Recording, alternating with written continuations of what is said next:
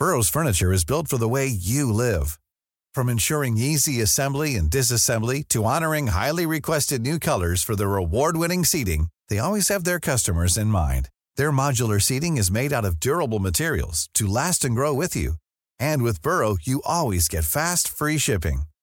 Get up to 60% off during Burrow's Memorial Day sale at burrow.com slash ACAST. That's burrow.com slash ACAST. burrow.com slash ACAST.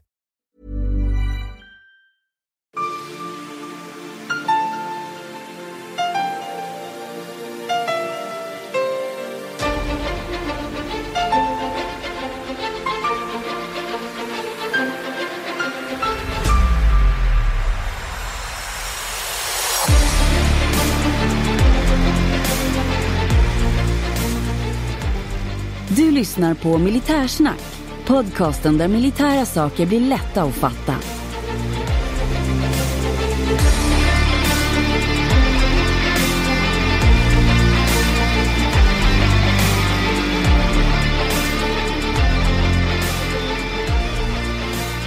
Då får väl jag ta ansvaret för det här och eh, hälsa alla lyssnare och löjtnanten tillbaka till eh, Militärsnack. Välkommen löjtnant! Tackar så mycket! Hörde du, idag tänkte vi prata om lite saker, vad som händer i podden och eh, lite annat smått och gott. Mm. Vi har Men lite innan- frågor bland annat. Mm. Precis. Men innan vi gör det så tänkte jag höra hur läget är. Jo, men det är helt okej. Eh, jag har tagit mig igenom eh, februari och halva mars här oskadd, peppar peppar. Får jag hitta något trä här då. Men jag tänker framförallt på att det går mycket förkylningar och annat elände. Mm, mm. Jag tänkte du skulle komma in på att du har ett farligt arbete, men det kanske inte alls är så du tänker. Jag överlevde den här månaden också. Det är så, ja, jo. Ja, det är med. Mm. Ja, Nej, men gå, nej. går, går det snett i ditt jobb så kan det ju gå riktigt illa. Oh ja, och det gör det ju faktiskt väldigt, väldigt sällan på grund av att vi har ju väldigt, väldigt bra eh, reglementen och instruktioner med mer som styr upp det här. Jag minns själv att när jag gjorde lumpen och skulle kasta handgranat första gången så den löjtnant då vi hade, löjtnant Öst, han hade inte sovit hela natten och han var helt blank av svett och sa att det här är det jävligaste i min tjänst överhuvudtaget. Mm. Ja, men just det här formellt, formellt kast av handgranat som det heter, det här första man gör på handgranatsbanan. Eh, det är ju lite speciellt. Det är ju, jag skulle inte säga att det är farligt för att det är det ju inte, utan man har ju skydd och rutiner och man kastar övningshandgranat först och så vidare. Va? Men eh, visst så känns det ju lite otäckt. Eh, soldaterna frågar ibland, ja men vad händer om man tappar den? Ja men brukar du gå runt och tappa saker? Om jag ger dig en, håll, håll i min mjukglass här, brukar du, vad är sannolikheten att du bara tappar den liksom? Mm, men det är inte Eh. livsfarligt beroende på vems mjukglass det är man tappar. Nej, så är det ju, men det är ju inte så ofta man tappar saker. Nej. Nej. Och sen samma sak, eh, kan du kasta en snöboll så kan du ju kasta en handgranat. Jo, men Och- att jag, jag tror alltså som jag upplevde som soldat så tyckte jag att det var jävligt läskigt för att det är en farlig snöboll jag håller i. Jo, jo, ja, men det är ju så oftast, men grejen med det där handlar nog mycket om att va- vad har, jag tror vi pratade om det här i, i något testavsnitt, men just eh, testavsnitt handgranat, men ref, vad har alla för referens till en handgranat? Eh, ja, man, man sitter i det här bakre skyddet och de smäller ju högt, de smäller ju som tusan alltså. Mm, mm. Eh, och referensen folk har det är ju ofta till en, en film. Och eh, då kastar man in en handgranat i en byggnad och så sprängs den i ett eldsmoln filmat från sju olika vinklar. eh, och i verkligheten, det är klart den är farlig, men eh, skulle du fånga den på film i det fria så blir det ett en liten rökpuff. Mm, det. Det, det är ju inga stora eldsmål och så vidare. Men det låter ju väldigt mycket. Apropå låter mycket så eh, är det ju vissa ljud som fattas här i podden som vi tänkte skulle få höras alldeles nu strax. Mm. Och då är det ju det som faller bort för de som inte är Patreons. För vi har ju haft ölen för alla förut, men den är ju bortplockad nu för de som inte är Patreons. Ja just det, det är många som har hört av sig och frågat har ni slutat med ölen, vad skulle du och dagens datum? Det har vi inte. Det har vi inte. De är kvar. Utan istället så är det så att du som eh, betalar lägsta nivå spion, du slipper Acasts reklam och sen hör du samma avsnitt som gratislyssnarna gör. Och sen har vi alla nivåer över så har man då, man slipper Acasts reklam och man får höra hela avsnitten med ölen, med vad skulle du och dagens datum i historien. Precis. Men frågan är om vi inte ska ta och fresta lite med att vi, vi bjuder på ett fullt avsnitt. Ja, det tycker jag låter jättebra. För så här är det, det ska vi inte sticka under stolen med. Ämnet idag är ju ganska tunt, utan vi tänker bara gå igenom några frågor och säga hej. Ja, lite så. Vi har, eh, vi, vi slåss med lite problematik här, att jag har svårt att nå min egen studio och du har väldigt mycket på jobbet så att vi har börjat få lite tunnsått med planering och tillfällen. Jajamensan, men inte idéer, de finns ju. Ja, men de, de hörs ju inte ifall de inte mina psykotiska cykler som går i mitt huvud hörs ut och det hoppas att de inte gör. Nej, det hoppas jag också att de inte gör. Nej, men vi har mycket, vi har mycket, mycket bra i röret. Vi har mm. någonting som är väldigt, väldigt efterlängtat som, eh, som kommer komma, kanske nästa vecka eller Just. veckan efter det. det. Det är en riktig, det smäller högt får jag säga. Mm, det gör det. Mm. Ska vi avslöja vad det är som är på gång där? Ja, men gör det. Det är ju lite farligt att göra det för att vi har ju inte det i hamn ännu, men det ligger så nära att falla oss i famnen så att vi kan väl gå ut med det. Ja, det är egentligen bara själva intervjun som ska genomföras, men vi pratar med en person som kommer få presentera sig själv, men det vi pratar om det är ju nästa eldhandvapen. Mm. AK6. bland annat. Mm. Och eh, det här är en person som kan. Mm. Så så ligger det till. Ja, men eh, jag tänkte eftersom vi ändå ska bjuda på öl i det här avsnittet ska vi ta och knäppa upp varsin. Det gör vi. Ja, för det är ju fredag och då ska vi ta våra öler och jag tänkte höra med dig först. Vad tar du löjtnant? Mm, men det här är lite roligt för att det lyssnarna inte vet det är ju att, att, att du inte vet och jag inte vet vad du har för öl. Mm, mm. Utan det här är ju någonting som vi överraskar varandra med. Yep. Och, eh, då men just idag så berättade ju du vad du hade tänkt att ta. ja.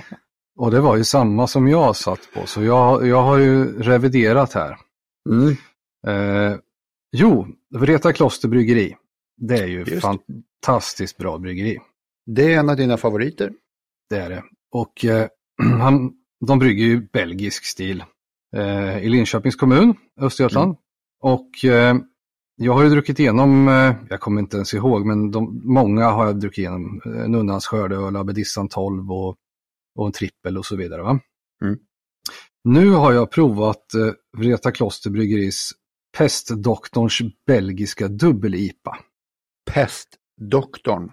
Jajamän, och det är väl lite för, eh, ja jag vet inte, de andra är ju nunnor så att eh, jag vet inte om man tänker sig att det ska vara tidsenligt men eh, Pestdoktorn i alla fall. Mm, mm, mm. Ja, jag hör. Eh, och jag har några till som jag håller på och, och provar här. Men eh, just nu idag då, då är det en, eh, en ale, en Imperial Dubbel IPA för att klassificera.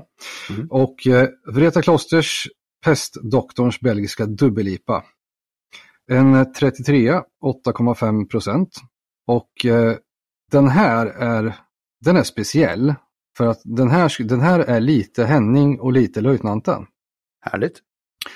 Jag har varit så himla överraskad för att jag tycker om IPA, men inte lika mycket som du.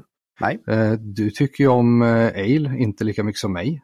Men här har du allt. För den här, den är ju jäst på belgisk jäst.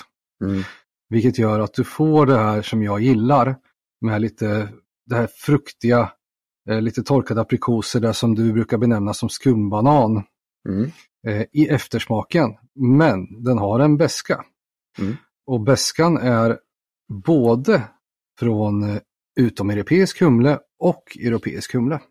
Okej. Okay. Det låter som att det här skulle kunna få bli en officiell militärsnacksöl. Ja, vi har ju några stycken där. Det är ju Sälens fjälldimma. Eh, och sen har ju du, du har ju din Schoden Carolus eh, Christmas ja, där. Ja, ja, ja, ja, Men den här är riktigt, riktigt bra. Det är den. Mm. Absolut. 42,90 Systembolaget. Köp den. Mm. Ja. Fy, fyra solar höll jag på att säga. Fyra pinnar, mugg. Jajamän. Vi har ju inget sånt eh, rangordningssystem här i podden, vet, men vi får väl hitta på något. Fyra tomhylsor kanske, eller någonting.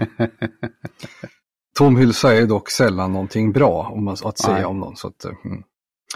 Fyra handgranater av ja, fem. Jag, jag, jag tänkte mm. nästan att det var det du skulle komma med. Jajamän. Och då får jag fråga dig, vad har du, eh, jag vet ju eftersom att du snodde min öl, men eh, lyssnarna behöver ju få höra det här. Ja, jo, men då kommer jag in på en Eriksberg, en göteborgare, en Pale Ale som ligger på 5,6 eh, volymprocent. Det är mycket humle och mycket beska, lite apelsinskal och sen så är det lite annat blandat, lite sötma, honungssmak och lite örter och sånt. Och den ska vara serverad vid 8 till 10 grader säger Systembolaget. Och den passar enligt dem som sällskapsdryck och märkligt nog till vegetariskt eller till rätter av ljust kött och då väljer vi att lyssna på deras senare utsago. Då blir det fläsk. Då blir det fläsk. Jajamensan. Mm. När vi ändå pratar att det är fredag så är det faktiskt snart dags för en dag till som rör vår podcast. Mm. Du tänker på årsdag? Ja, årsdagen för podden den dröjer lite längre men det är faktiskt årsdagen för när du och jag gjorde vårt första avsnitt om eh, pansarskott eh, 86. Just det, just det, i en annan podcast. I en annan podcast, det stämmer. Min andra som jag la ner rätt snart där om Ukraina-kriget, Hjälp dem, hette den. Just det. Det har ju lyssnarna redan, det vet de ju om så att säga. Och vi gjorde ju om det här avsnittet som vårat avsnitt 10. Just. Precis. Precis. Det kan man lyssna på om man tycker att man vill eh, förkovra sig i pansarskottet. Ja. Apropå pansarskottet, det är ju vår snart och då dyker ju tussilagon upp. Mm. Vet du vad det är för likhet mellan eh, tussilago och ryskt pansar? Berätta. Jo, man ser dem ofta i vägkanten. Utslagna. Mm. Just det. Mm. Trumvirvel. Ja, trumvirvel. Jo, men vi, apropå stridsfordon och stridsvagnar, vi har ju fått lite eh, lyssnarfrågor gällande stridsfordon 90 som skulle till Ukraina. De, de skulle byggas om och renoveras, va? Hur går det med det där? Mm. Då svarar jag på frågan om stridsfordon 90 generellt då. Mm. Um, ja, jag kan göra det ganska luftigt uh, eftersom att vissa saker kan jag inte säga och vissa saker vet jag inte. Men uh, det som vi ha, har eller hade i stridsfordonsfamiljen det är ju stridsfordon 90 Adam och Bertil. Bertil 1, Caesar. Eh, det är ju egentligen kanonvagnarna. Och sen har vi ju bärgningsbandvagnen, stridsledningsvagnen, eldledningsvagnen. Och sen har vi ju då LVKV 90, luftvärnskanonvagnen. Mm. Och eh, nu har vi ju även fått en granatkastarbandvagn. Mm. Ehm, efter mycket om och men. Och ehm, det här var ju någonting, om vi kan göra ett nedslag på den först då, granatkastarbandvagnen. Nedslag? Ja. Mm. Sa jag inte det? Jo.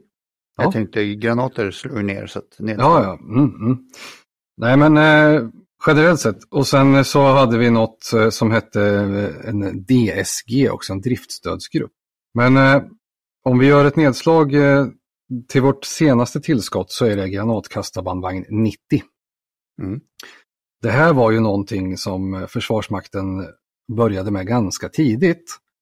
Eh, jag skulle säga någonstans eh, tidigt 2000-tal, 2002. Mother's Day is around the corner. Find the perfect gift for the mom in your life with a stunning piece of jewelry from Blue Nile. From timeless pearls to dazzling gemstones, Blue Nile has something she'll adore. Need it fast? Most items can ship overnight. Plus, enjoy guaranteed free shipping and returns. Don't miss our special Mother's Day deals. Save big on the season's most beautiful trends. For a limited time, get up to 50% off by going to Bluenile.com. That's Bluenile.com. Millions of people have lost weight with personalized plans from Noom like Evan, who can't stand salads and still lost 50 pounds.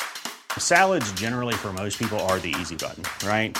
For me, that wasn't an option. I never really was a salad guy. That's just not who I am. But Noom worked for me. Get your personalized plan today at Noom.com. Real Noom user compensated to provide their story. In four weeks, the typical Noom user can expect to lose one to two pounds per week. Individual results may vary. Så provade man ett system som heter AMOS, Advanced Mortar System, som eh, i Försvarsmakten av Försvarets materielverk blev benämnt för eh, SSG 120, splitterskyddad granatkastare 120 mm. Jajamän. Och det här testades ju då på en rad olika plattformar. Stridsbåt 90 vet jag. Stridsfordon 90 vet jag. Mm. Och den här var nästan klar. Jag vet att eh, man gjorde en slutskjutning med den här 2008. Eh, och eh, den sku skulle ha hetat då granatkastarbandvagn 90-120 i Försvarsmakten. Mm. Mm. Men den anskaffades ju aldrig. Men vi hade chassin framtagna till den här då som bara varit stående. Vissa av de chassina har man nu valt att göra den här nya granatkastarbandvagnen på med ett annat system. Men eh, det är fortfarande två stycken 12 cm granatkastare. Man vill inte stå i vägen när de där prylarna ramlar ner va? Nej, det vill man ju inte. Utan eh, vi kommer återkomma lite till det där, för vi har ju en eh, lyssnarfråga. Men eh, i alla fall, och sen så ska jag bara kommentera DSG en kort, driftstödsgruppen. Mm. Eh, det var i regel en vanlig Adam eller Bertilvagn eh, som man eh, satte på speciella lådor på. Alltså fack och hyllor och sånt för att kunna ha verktyg och eh, reservdelar med sig på en eh, stridstross eller stab och trosspluton då för att kunna understödja med enklare reparationer på kompaninivå. Snabb fråga bara, är det någonting yes. som man behöver veta som skiljer Adam och Bertil-versionen här för lyssnaren? Adam kom först och eh, Bertil kom kort därefter. Ja, det enklaste sättet, det var att alltså, du ville ha en vagn som kunde skjuta bättre under gång och det gör Bertil. Mm. Eh, men eh, det enklaste sättet att se det på det är att Adam-vagnen har en dämpcylinder fram bredvid kanonen. Och det har inte Bertil. Okej. Okay. Så att, eh, det här är de trotjänarna vi har haft, Adam Bertil. Och sen fanns det några stycken B1-or. Och det var egentligen en Bertil som man hade uppgraderat lite grann, ungefär som en Caesarvagn men utan tilläggspansaret. Mm. Och Caesarvagnen då, den har ju eh, lite annan IRV, den kan skjuta programmerbar ammunition och eh, den har de här modulerna som sitter utanpå med extra pansar och en AC. Och vad förkortar det IRV? Bland annat. IRV det är den här infraröda värmekameran då som, som är bättre. Okej, okay, den ser man på, i mörker med och liknande värmeavtäckning va? Mm, du kan se med den dygnet runt och du ser värme. Okej. Okay. Mm. Så det var ju det. Men det som har hänt nu, det var ju att vi skulle från början alltså remodifiera systemet men det, det som är gjort är en renovering. Och eh, ja, det hörs ju själv. Eh, det man har gjort är ju bytt ut saker som är gamla helt enkelt. Vissa, det som står att läsa, eh, det är vissa system. Alltså det kan vara att du har bytt alla kablar till exempel. Att man har livstidsförlängt det. Man kanske har bytt saker som är i gummi, kylarslangar, vad vet jag. Eh, det kan jag inte säga i detalj, men det jag vet är att Adam-vagnarna nu heter David 1 och eh, Bertil-vagnarna heter David 2. Okej. Okay. Ehm, det är de vagnar som nu genomgått renoveringen kommer heta D1 och D2. De finns ute redan.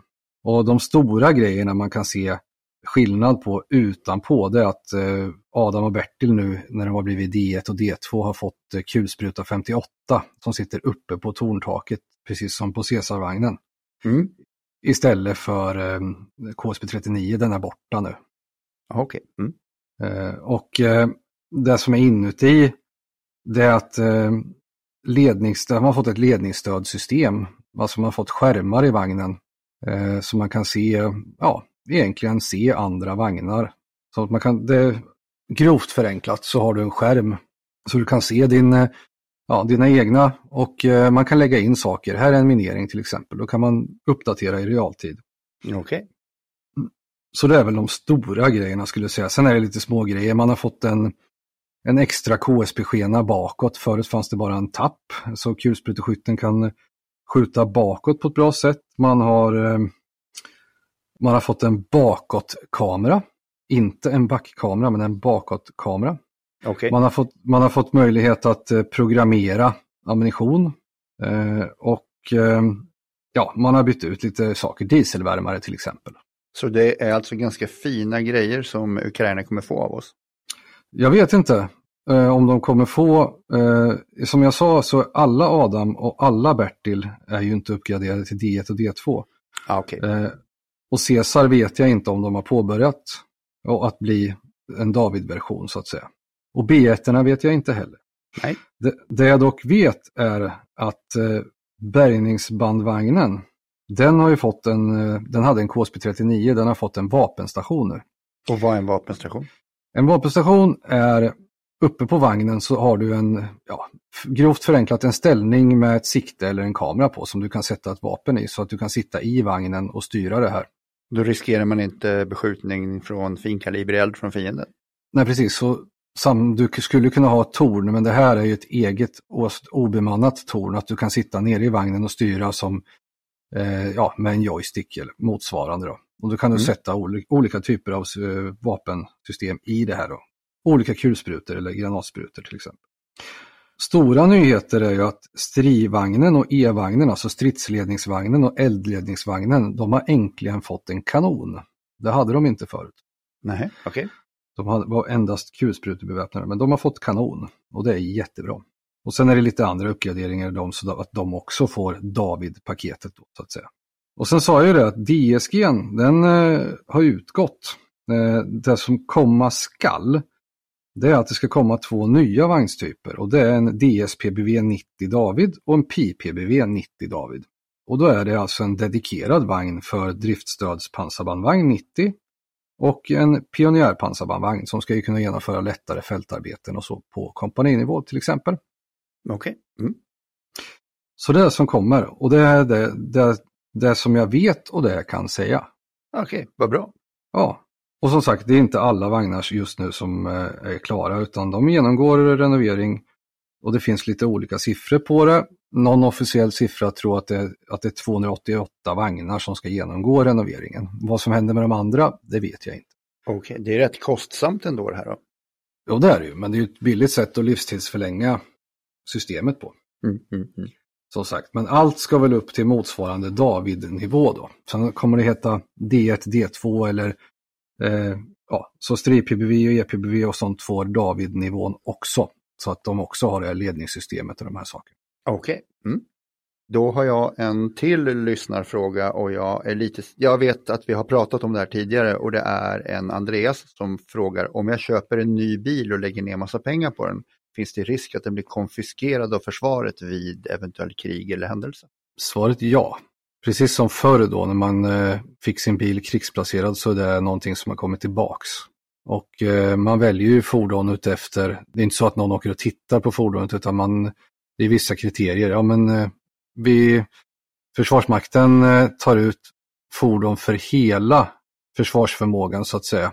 Eh, och eh, det är den myndighet som tar ut det som ska ingå i totalförsvaret, det är Försvarsmakten. Och då tittar man väl helt enkelt på, eh, ja men eh, vi behöver pickuper till exempel och då, eh, då krigsbaserar man dem i tre år i taget. Men det han är ute efter här det är ju att vet man det innan så att innan jag lackar om min bil i Fiskfjälls, vad det nu kan vara, så vill jag veta att den inte blir ommålad i grönt och försvinner när man har köpt nya stötdämpare och trimmat den. Men eh, får man någon form av brev eller någon form av eh, vetskap om att så är fallet? Jajamensan, det kommer ett brev och eh, där kommer det framgå vilken avlämningsplats som gäller. Till exempel i ditt fall kanske ICA Maxi Häggvik. Mm.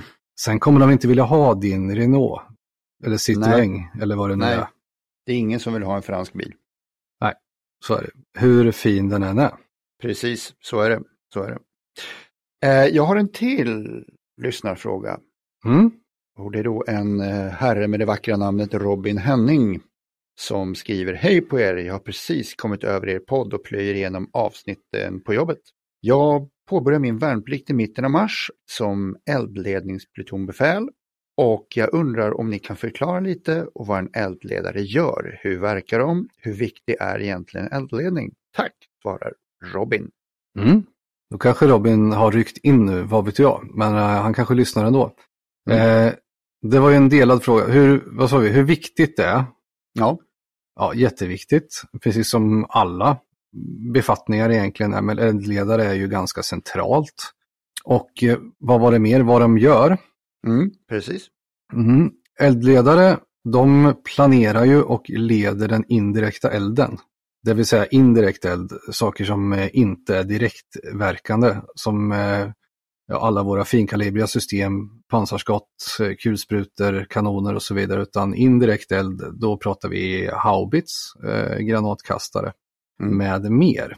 Och eh, man kan planlägga för indirekt eld, alltså eh, när man planerar sin strid, anfall eller försvar eller fördröjning, eh, så kan man förvälja mål eh, som man vill ha ja, någon form av verkan i. Då.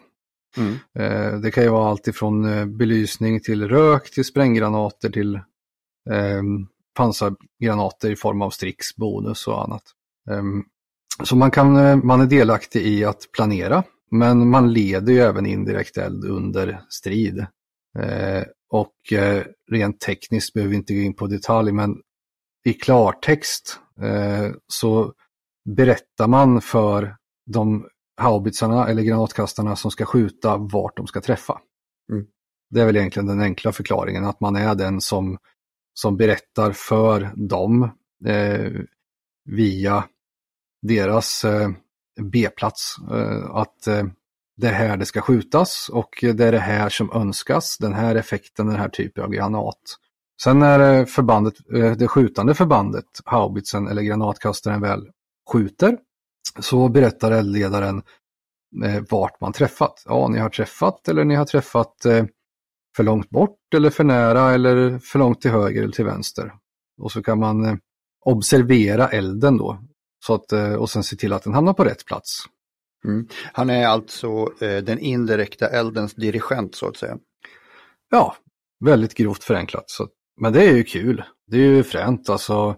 Och de här eh, de kan ju leda eld avsuttet, det vill säga till fots. Eller så gör man det från någon form av fordon, till exempel då kanske en EPBV 90. Då frågar jag, måste inte eldledaren då vara väldigt taktiskt och eh, skolad så att säga och förstå striden? Jo, absolut. Och sen är det ju så att han jobbar ju ganska tätt, oftast på på kompaninivå så jobbar han ju väldigt tätt med kompanichefen. Mm. Så att eh, han, han är i närheten av honom när man planerar och även under strid oftast. Mm. Mm. Det låter som att det kan vara en ganska spännande tjänst. Det är jättespännande. Framförallt så ser, får man ju mycket större, som värnpliktig då, som eh, Robin ska vara, så kommer han ju få en ganska stor förståelse för eh, kompani och uppåt. Vilket man kanske inte får i, i alla vanliga tjänster då. Okej. Men då är det väl nästan dags att droppa in på en av våra fasta punkter som vi har lovat samtliga lyssnare nu, gratis som Patreons. Och det är Vad skulle du, trumvirvel? Och då frågar jag, om du fick välja själv, vilket eh, stridsfordon 90 skulle löjtnanten välja att ha i så fall? Om jag fick äga den själv, Ja, använda precis hur du ville. eh, då måste jag tänka på någon form av användningsområde. Jakt. Ja, exakt, det är ju bra. Eh, jag tänker att eh, BGBV, alltså bärgningsbandvagnen, är ju användbar. Var det den Ja. du skulle köra in och vända i en paddelhall med? Ja, men det var ju en stridsvagnsbärgare, 120, Ah, okej. ja. Men eh, det här funkar ju också, så att ja, antingen bärgningsbandvagnen då, det är en bra att dra ut vilt med och sånt. Mm. Eh, bra winchar och så, så kan man även köra genom paddelhallar.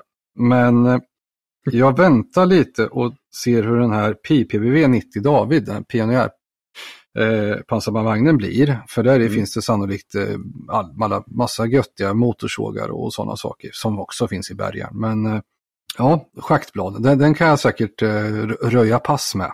Mm, mm, mm. Ja, Eh, du, och, och köra genom paddelhallar. givetvis. Men då får jag fråga dig samma då, om du fick ett alldeles eget stridsfordon 90, vilken skulle du vilja ha då? då? Ja, men jag skulle nog vilja ha något som, finns det något som är kopplat till eh, koktrossen? Nej, det gör ju inte det. Ja, men då, då, då vill jag att, att de, då får FMV, eh, FMV bygga ett sånt åt mig. Och då vill jag ha med en sån här lokomotivgrill.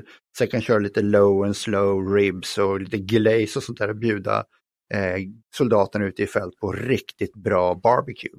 Mm, mm. Hela stridsrummet bak skulle ju kunna vara en, eh, en barbecue med någon form av tak man hissar upp och sen grillar och sånt. Mm, det blir nog jäkligt bra och jämn temperatur. Mm. Fantastiskt. Ja.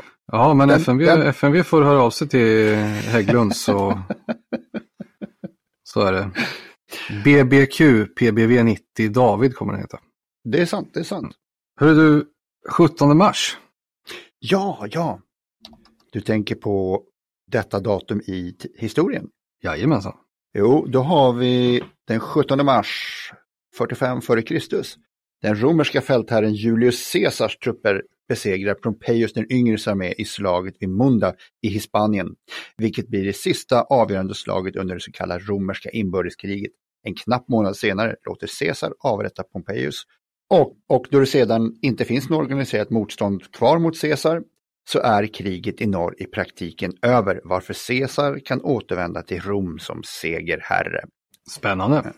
Ja, Åt han Caesar-sallad då tror du? Och 1959, en vecka efter att ett uppror har utbrutit mot det kinesiska styret i Tibet, tvingas områdets religiösa ledare, Dalai Lama, gå i landsflykt till Indien där han fortfarande lever kvar idag, 2023. Mhm. Eh, Och 1991 så är det en folkomröstning som hålls i Sovjetunionen om landets framtid. 78 procent röstar för att unionen ska bibehållas. Till, års, års, till årsskiftet upplös den dock och ersätts av oberoende staters samvälde OSS. I flera Sovjetrepubliker bojkottas omröstningen från officiellt håll, men där hålls istället frivilliga omröstningar som inte är sanktionerade av myndigheterna. Resultatet i dessa återspeglar i stort det officiella resultatet. Mm. Så kan det gå. Jag skulle vilja se lite andra omröstningar i Ryssland just nu och se vad folket tycker. Mm. Oavsett om de är officiella eller inte så blir nog utfallet samma. Mm. Mm, mm, mm. Ja, When you make decisions for your company, you look for the no brainers. And if you have a lot of mailing to do, stamps.com is the ultimate no brainer. It streamlines your processes to make your business more efficient, which makes you less busy. Mail checks, invoices, legal documents, and everything you need to keep your business running with stamps.com.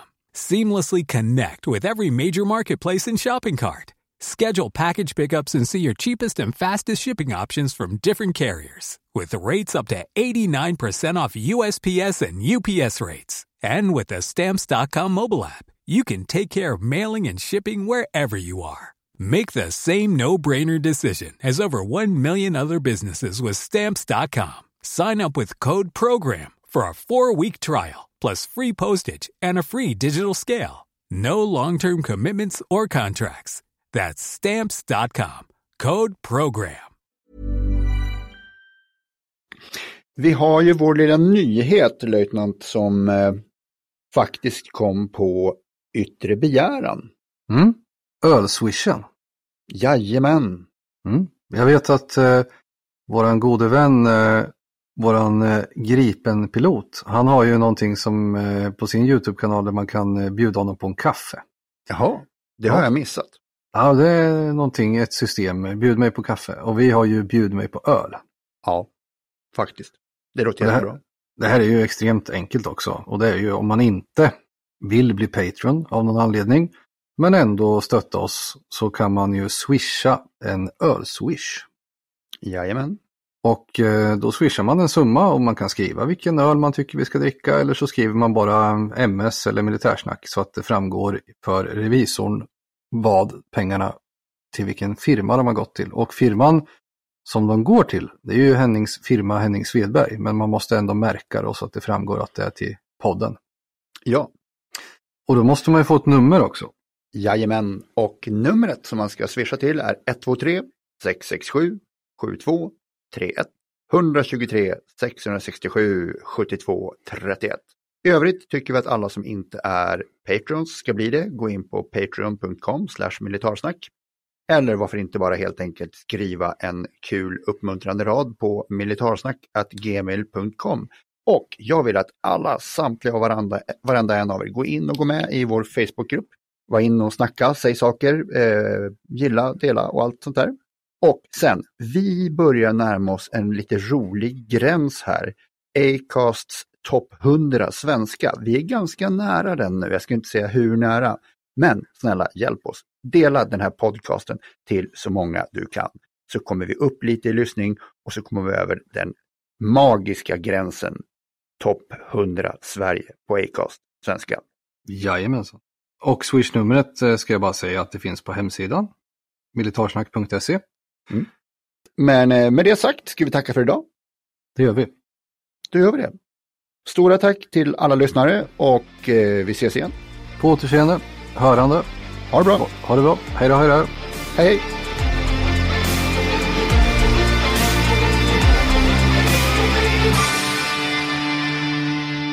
Glöm inte att gilla, dela och gärna prata om vår podd med de vänner du tror skulle gilla den. Tack!